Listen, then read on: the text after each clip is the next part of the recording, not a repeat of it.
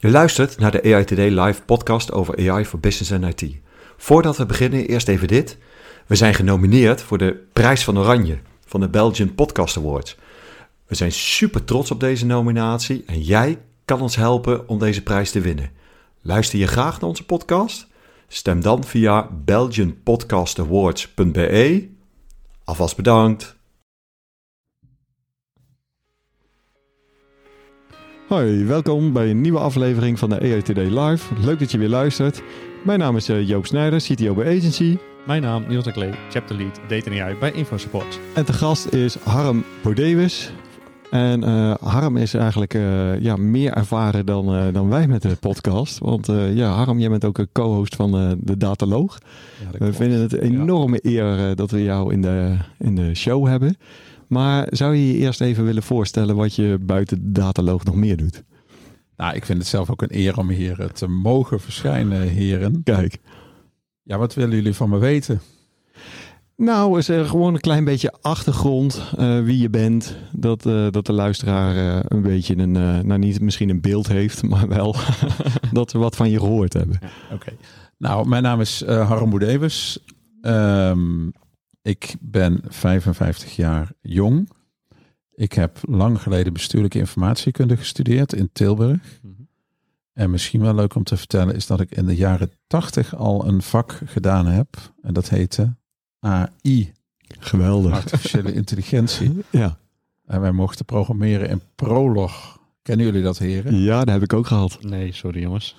Hoe Ja, oud ben jij, Joop? ik ben 51. en prolog, dat heeft ervoor gezorgd dat ik zeg maar zoveel jaren later uiteindelijk weer het vuurtje van AI heb opgepikt. Ik dacht van ja, maar ik vond dat toen zo cool. Ook dat prolog. Ja. Stelde niet zo heel veel voor. Maar was wel cool. Nou ja, en het was, eh, ik weet niet of alle luisteraars dit interessant vinden hoor, maar goed, ik ga, gaan we door met praten. Het was helemaal gebaseerd op eh, predicatenlogica. Ja. Het was eigenlijk een declaratieve vorm van programmeren totaal anders dan Turbo Pascal, wat we in die tijd ook moesten leren. Ik kijk naar Niels. Ja, ik die krijg denkt, even waar een hebben die heren het over? Ik krijg even een geschiedenislesje. ja. Dit is een soort van, van ponskaarten, maar dan op het gebied van AI. Hè? Ja. Ja. Maar goed, daarna ben ik, eh, net zoals de meeste mensen, gaan eh, werken. Ik ben in het Oracle-vak terechtgekomen. Mijn eerste werkgever was ook eh, Oracle Nederland. Daar was ik docent. Dus ik gaf cursussen SQL, PLSQL, datamodellering. Eigenlijk over de hele wereld stond ik als eh, jong broekie toen nog eh, cursus te geven. 1995 zijn met een aantal mensen het bedrijf Transfer Solutions gestart. Een Oracle spin-off zou je kunnen zeggen in Leerdam of all places. Daar heb ik uiteindelijk exact 20 jaar gewerkt. Toen ben ik in dienst getreden van Van der Landen, een groot, eh, groot bedrijf in Veghel, gespecialiseerd in warehouse automatisering en bagageafhandelingssystemen. Ja, iedereen die wel eens op een Schiphol is ge- geweest, die heeft er gebruik van gemaakt. Hè? Dus Ja. als je je koffertje van, eh, Ja, van, van, dat, van die band afhaalt, dan... eh, die koffer die is over systemen van Van Landen heen precies, gegaan. ja. Klopt, ja. Nou, mijn eh, tweede functie daar was Director Data Analytics. En daar heb ik de andere host Niels ook leren kennen. Want daar heb ik toen Infosport ingehuurd. En na een jaar of vijf, toen dacht ik, nou weet je, ik eh, vind dit vak heel erg leuk. Maar ik vind het eigenlijk nog veel leuker om dit eh, voor mezelf te gaan doen. Dus toen heb ik eerst een eh, korte break ingelast. Ben ik gaan studeren. Data Science. En ja, daarna ben ik voor mezelf begonnen als ZZP'er. ja. En dat doe ik nog steeds. Kan ik iedereen aanraden. Nou, en waar we je hebben, voor hebben uitgenodigd. Ja, misschien Niels, eh, Ja. want eh, dit, dit was, eh, kom echt uit jouw koker. Mijn dus, koker inderdaad. Ja, ik was wel geïnspireerd door jou Harm, dat je inderdaad data analytics, nou zit, zit ik ook in en ah, doe ik ook al jaren. En nou, we hadden het net over een beetje historie, is toch wel wat oudere leeftijd, als ik dat mag zeggen. Zo niet, ik heb het net gezegd. en dan toch inderdaad de, de stap maakt inderdaad van goh, een studie volgen en ja, het vakgebied eh, AI weer en data science weer verder inrollen. Eh, en ik was benieuwd, ja, wat, wat heb je daaraan meegekregen? Eh, ja, wat heeft je overwogen om die stap te maken en hoe is het bevallen? Heb je net een klein beetje door Ja. laten slijmen? Ja, ja, ja, tuurlijk. Ja. Nou, eigenlijk was ik binnen Van Landen al met dit vakgebied bezig. Ik was de eerste director van die afdeling. Het was ook een nieuwe afdeling, Data Analytics. Ja. En het omvatte binnen Van Landen zowel business intelligence als master data management. En een heel klein beetje data science. En wat ik nu vertel is, nou, zes jaar geleden denk ik. Ja, zoiets, ja. ja.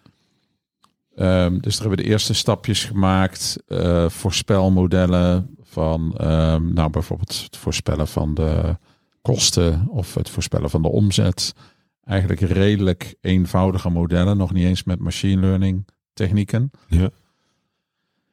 En jouw vraag, ja, wat heeft jou bewogen? Ehm, nou, het was ten eerste een eh, persoonlijke afweging dat ik er op een gegeven moment achter kwam dat ik gewoon veel beter bij een wat kleiner bedrijf pas dan bij een heel groot bolwerk met alle politiek en noem maar op eh, Mhm. wat daarbij hoort. Dus ik dacht, ik moet echt weer bij een kleiner bedrijf gaan werken.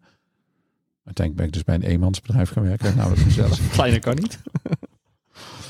Dus dat was een overweging. En een andere overweging was, ik vond op een gegeven moment dat dat op zich niks met Van der Landen te maken, maar ik was managers aan het managen die op hun beurt weer managers aan het managen waren. En ik stond zo ver van de inhoud af. Ja. En ik dacht, ja, wacht eens even, wat vind ik nou echt leuk? Ik was inmiddels de 50 gepasseerd. Misschien zat ik midden in de midlife, weet ik veel.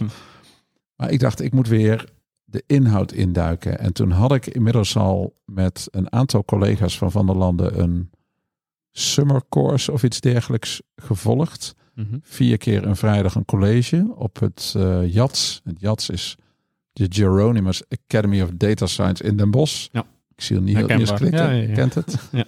En toen dacht ik, nou weet je, ik neem ontslag bij Van der Landen. En ik ga gewoon weer lekker studeren. Dus ik heb me ingeschreven bij Professional Education aan het JATS. En dat is een hele goede keuze geweest. Wat eh, sprak je nou zo aan in de AI machine learning om je juist daarin te verdiepen? Want vanuit, hè, dus je, je zegt van, je komt uit de software development, zijn, ben de data analytics, BI eh, hoek ingegaan. Wat heeft je nou zeg maar getriggerd om juist dit te kiezen? Nou, ik kom eigenlijk oorspronkelijk al uit die wereld. Want ik studeerde in Tilburg, maar ik was daar ook eh studentassistent. En ik was daar zeg maar het hulpje van eh, professor Meersman. Ja. En die was hoogleraar in datamodellering en kennisrepresentatie.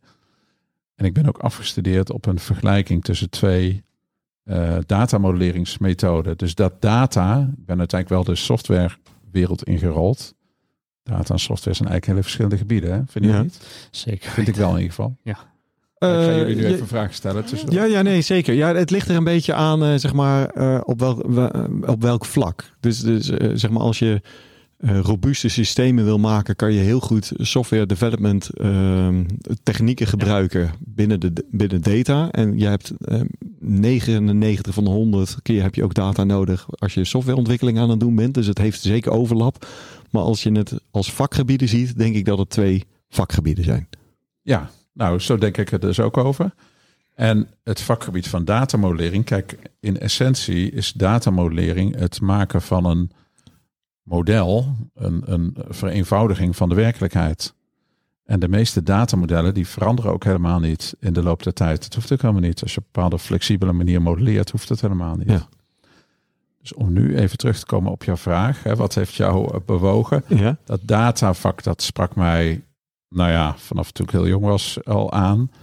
Ik wilde dus meer met de inhoud gaan doen. Ik wilde af van dat manager van managers van managers van managers, et cetera. En ik was al enthousiast geraakt over het JATS. Dus ik dacht, nou, als ik het nu niet doe, dan ehm, komt het niet meer van. Dus toen ben ik gaan bellen naar Den Bosch. Nou, hè, jammer meneer Bodewes, we zijn net met een groep gestart. En eh, nou, is er geen mogelijkheid om toch nog aan te sluiten? En toen heb ik in de kerstvakantie, weet ik veel, een jaar of vier geleden inmiddels, denk ik. Heb ik het werd toen al allemaal opgenomen. Het was al eh, ja, net, ja, het was coronatijd. Ja. Dat is drie jaar geleden trouwens, bedenk ik me nu. En toen heb ik alle colleges die al geweest waren, heb ik even op eh, film, op MP4 eh zitten Oh ja, kijken. ja. Ik moest een, eh, een programmeertest doen in Python. Ja. Nou, wonder boven wonder. Ik was ervoor geslaagd. geslaagd. Ja, toen ben ik aangesloten bij een groep van ehm 25 studenten of zo. En eerst was ik nog even bang, oh, straks kom ik dus allemaal van die hele jonge mensen die allemaal eh, veel sneller en handiger zijn. Maar dat eh, viel dus heel erg eh, tegen of mee, met hoe je het bekijkt. Het waren heel veel mensen juist die ook, nou ja, op bepaalde periode in hun carrière waren en iets anders wilden gaan doen. Echt hartstikke leuk. Dus voor mij persoonlijk is dit een hele goede eh, keuze geweest. Het heeft me heel veel, heel veel nieuws gebracht. Ja.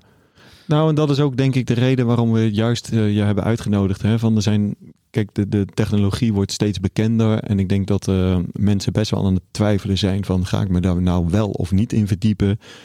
Kan ik dat nog wel? Ehm, wij zien sommige mensen, eh, ja, laten we, laat ik het koudwatervrees noemen. Dus het is juist zo mooi zeg maar, om te, iemand te zien die dit gewoon gedaan heeft, het aangepakt heeft. Dus je bent gewoon eh, het gaan doen.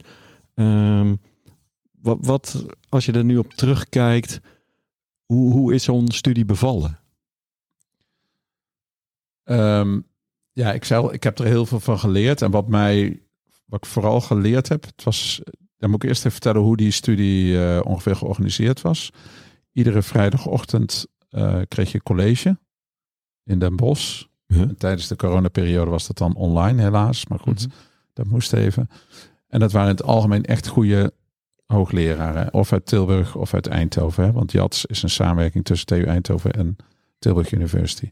En smiddags werkte je dan in een klein groepje aan een opdracht. Ik had al de meest technische variant gekozen. Dus je moest ook zelf programmeren in Python. Ja. En dat was hartstikke leuk. Dus om je een voorbeeld te geven. We hebben een eh, voorspelmodel voor een eh, supermarkt hebben we gebouwd. En daarin hebben we alle ehm, ja, machine learning, klassieke machine learning technieken zeg maar eh, toegepast. Dus lineaire regressie, random forest, XGBoost. Eh nou, ik zie jullie al knikken, dus bekend allemaal. Nou, die hele rits eh, methodes hebben gebruikt. Dat is hartstikke leuk ehm, om, eh, om daar eens wat mee te oefenen en om daar een gevoel bij te krijgen.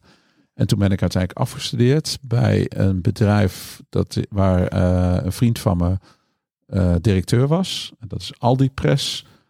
En daar moest een model gemaakt worden om de verkoop van tijdschriften, papieren tijdschriften, want die bestaan nog steeds, Ja. anno 2023. Je gelooft het niet, maar Daar moest ik een soort clusteranalyse op loslaten. Dat was wel heel leuk. Toen ben ik er bijvoorbeeld achter gekomen dat er een sterke correla- correlatie is tussen de verkoop van roddelbladen en tv-gidsen. Dat is wonderlijk, hè? Oh. Ja, Oh. mensen die roddelbladen kopen, kopen ook tv-gidsen. Oh, zo ja. Oh, Ja, grappig. Ik aantonen met de data. Ja. En ik vertel het nu als grapje, maar het was wel echt serieus. Want al die press is dus verantwoordelijk voor de distributie van tijdschriften in supermarkten, op, eh, bij benzinestations, ziekenhuizen, noem maar op. En zij wilden eigenlijk met minder titels, dus een kleiner arsenaal aan titels, meer geld verdienen. ja, precies. En daarvoor Ja. wilden ze die clusteranalyse Ja. uitvoeren. Ja. Dus om terug te komen op jouw vraag, het is de combinatie van praktijk en theorie, zeg maar, die, eh, ja, die mij heel goed beviel. Voor mij om even goed bij was één dag in de week dan? Dat was dan de vrijdag, Ja. was dan eh, alles. eh, Ja, en ik had een beetje een luxe situatie, want ik heb een korte sabbatical gehad van, nou ja, uiteindelijk was het maar drie maanden volgens mij. Ehm, dus ik had ook de rest van de tijd wel tijd om aan opdrachten te besteden. De eerste keer dat je, dat je een model had en, en die deed het. Ja, Kan je daar iets over vertellen? dat is zo'n geweldig gevoel. en zeker als je daar ook nog zo'n eh, hele mooie visualisatie in eh matplot, matplotlib of plotly of seaborn mee kan maken. Ja. Dan denk je, wauw, dat heb ik gemaakt. Ja, ik eh, herken dat ook nog wel. Van, eh, ik kom dan helemaal uit de software development kant. En dus, eh, Ik heb de data. Niels Data. Dus in die zin, zeg maar, eh, vullen wij el- elkaar aan. Maar de eerste keer inderdaad, ja, dat is... Dat, eigenlijk is dat bizar. Van, eh, nee, je kan programmeren, je kan eigenlijk voor je gevoel alles maken eh, ja, wat er bestaat. En toch was er in één keer een andere dimensie. En, en als je dan een model hebt dat werkt, ja, dat is een heel bijzonder gevoel is dat. Ja, Ja. ja. dat, eh, ja. En het model, ik weet niet eigenlijk of het ook in productie is genomen, want dat is de frustratie bij veel data scientists. Van die laatste stap, deployment Ja. Vaak stokt het ergens. Ik weet niet wat jullie ervaring daarin is. Ja, nee, dat zien we nog steeds. En eh, ja, dat doet ons pijn aan het hart inderdaad. Eh, we hebben ook allemaal processen ervoor met MLOps om dat echt wel te gaan ondersteunen. En op doen we op dit moment ook. Maar we zien nog te vaak inderdaad dat het eh, op de laptop van de data scientist blijft.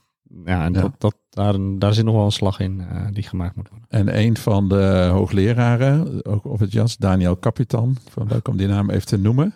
Kennen jullie hem of Ja, we hebben hem te gast gehad in de, de podcast. Echt, eh, ja. Is Daniel hier ook geweest? Zeker. Ja. Nou, nou, eigenlijk nog beter. Wij zijn naar Daniel geweest in Ja. Rotterdam. Was een hele mooie locatie. Ja. Eh, naast Ja. Centraal Station daar. Ja, nou ja, grappig. Ik ken hem dus heel goed. En een van zijn eh, statements was dan zo altijd: oké, daar hebben we weer een data, een, daar hebben we weer een project dat sneuvelt op het kerkhof van data science projecten, zoiets. Ja. Ja, ja, nee, dat nee, is- dat is zeker jammer. Wat, we, wat wij daar wel voor doen, is dat we kijken naar meer dan techniek. Dus dat we proberen om zo vroeg mogelijk in het traject met de klant erom te gaan zitten van, ja, maar wat is nou, wat is je doel? Wat ga je veranderen? Wat gaat het je opleveren? En wil je ook deze tijd, dit tijd, geld en energie erin steken? Dat we heel vroeg dit soort dingen eigenlijk afgedekt hebben. Zorgt dat ervoor dat alles in productie komt? Nee, maar daarmee verhogen we wel de kansen op dat het inderdaad in productie gaat en dat je er ook echt waarde uithaalt. Ja. Ja, je hebt, eh, ik doe op dit moment een eh, interim klus.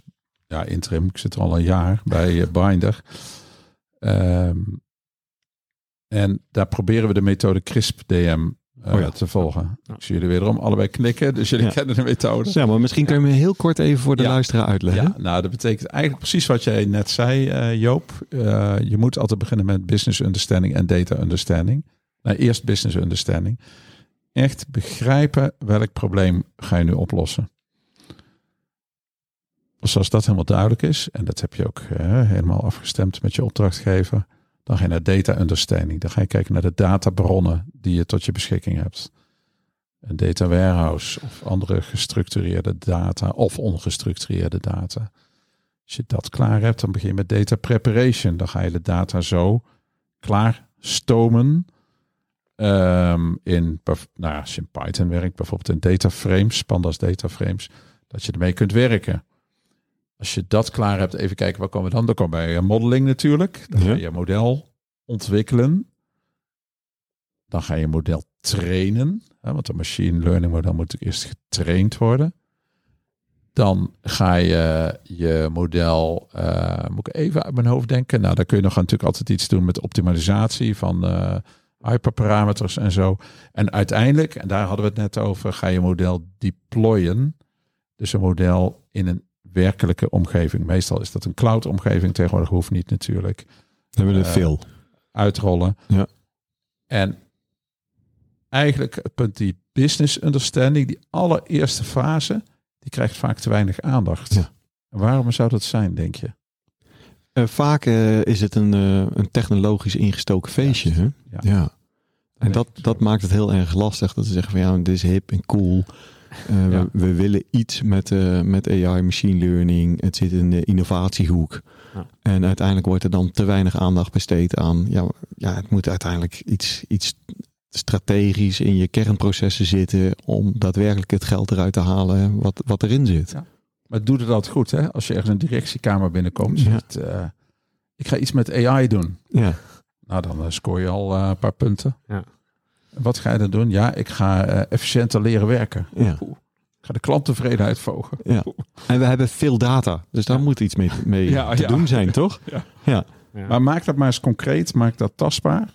En volgens mij is dat een beetje de kern van die business understanding Ja. fase. Ja, ja, daar gebruiken wij dan ook een methode voor hè, met Canvas eh, die we invullen om ervoor te zorgen dat je de juiste vragen stelt en niet te snel over bepaalde punten heen gaat. Ik wil me eigenlijk nog wel even doortrekken. Inderdaad, dat model is niet voor niks ook een rondje. Dus het is ook een cyclus die doorgaat. We moeten niet vergeten, het stopt niet bij deployment. Eh, dat is eigenlijk het begin.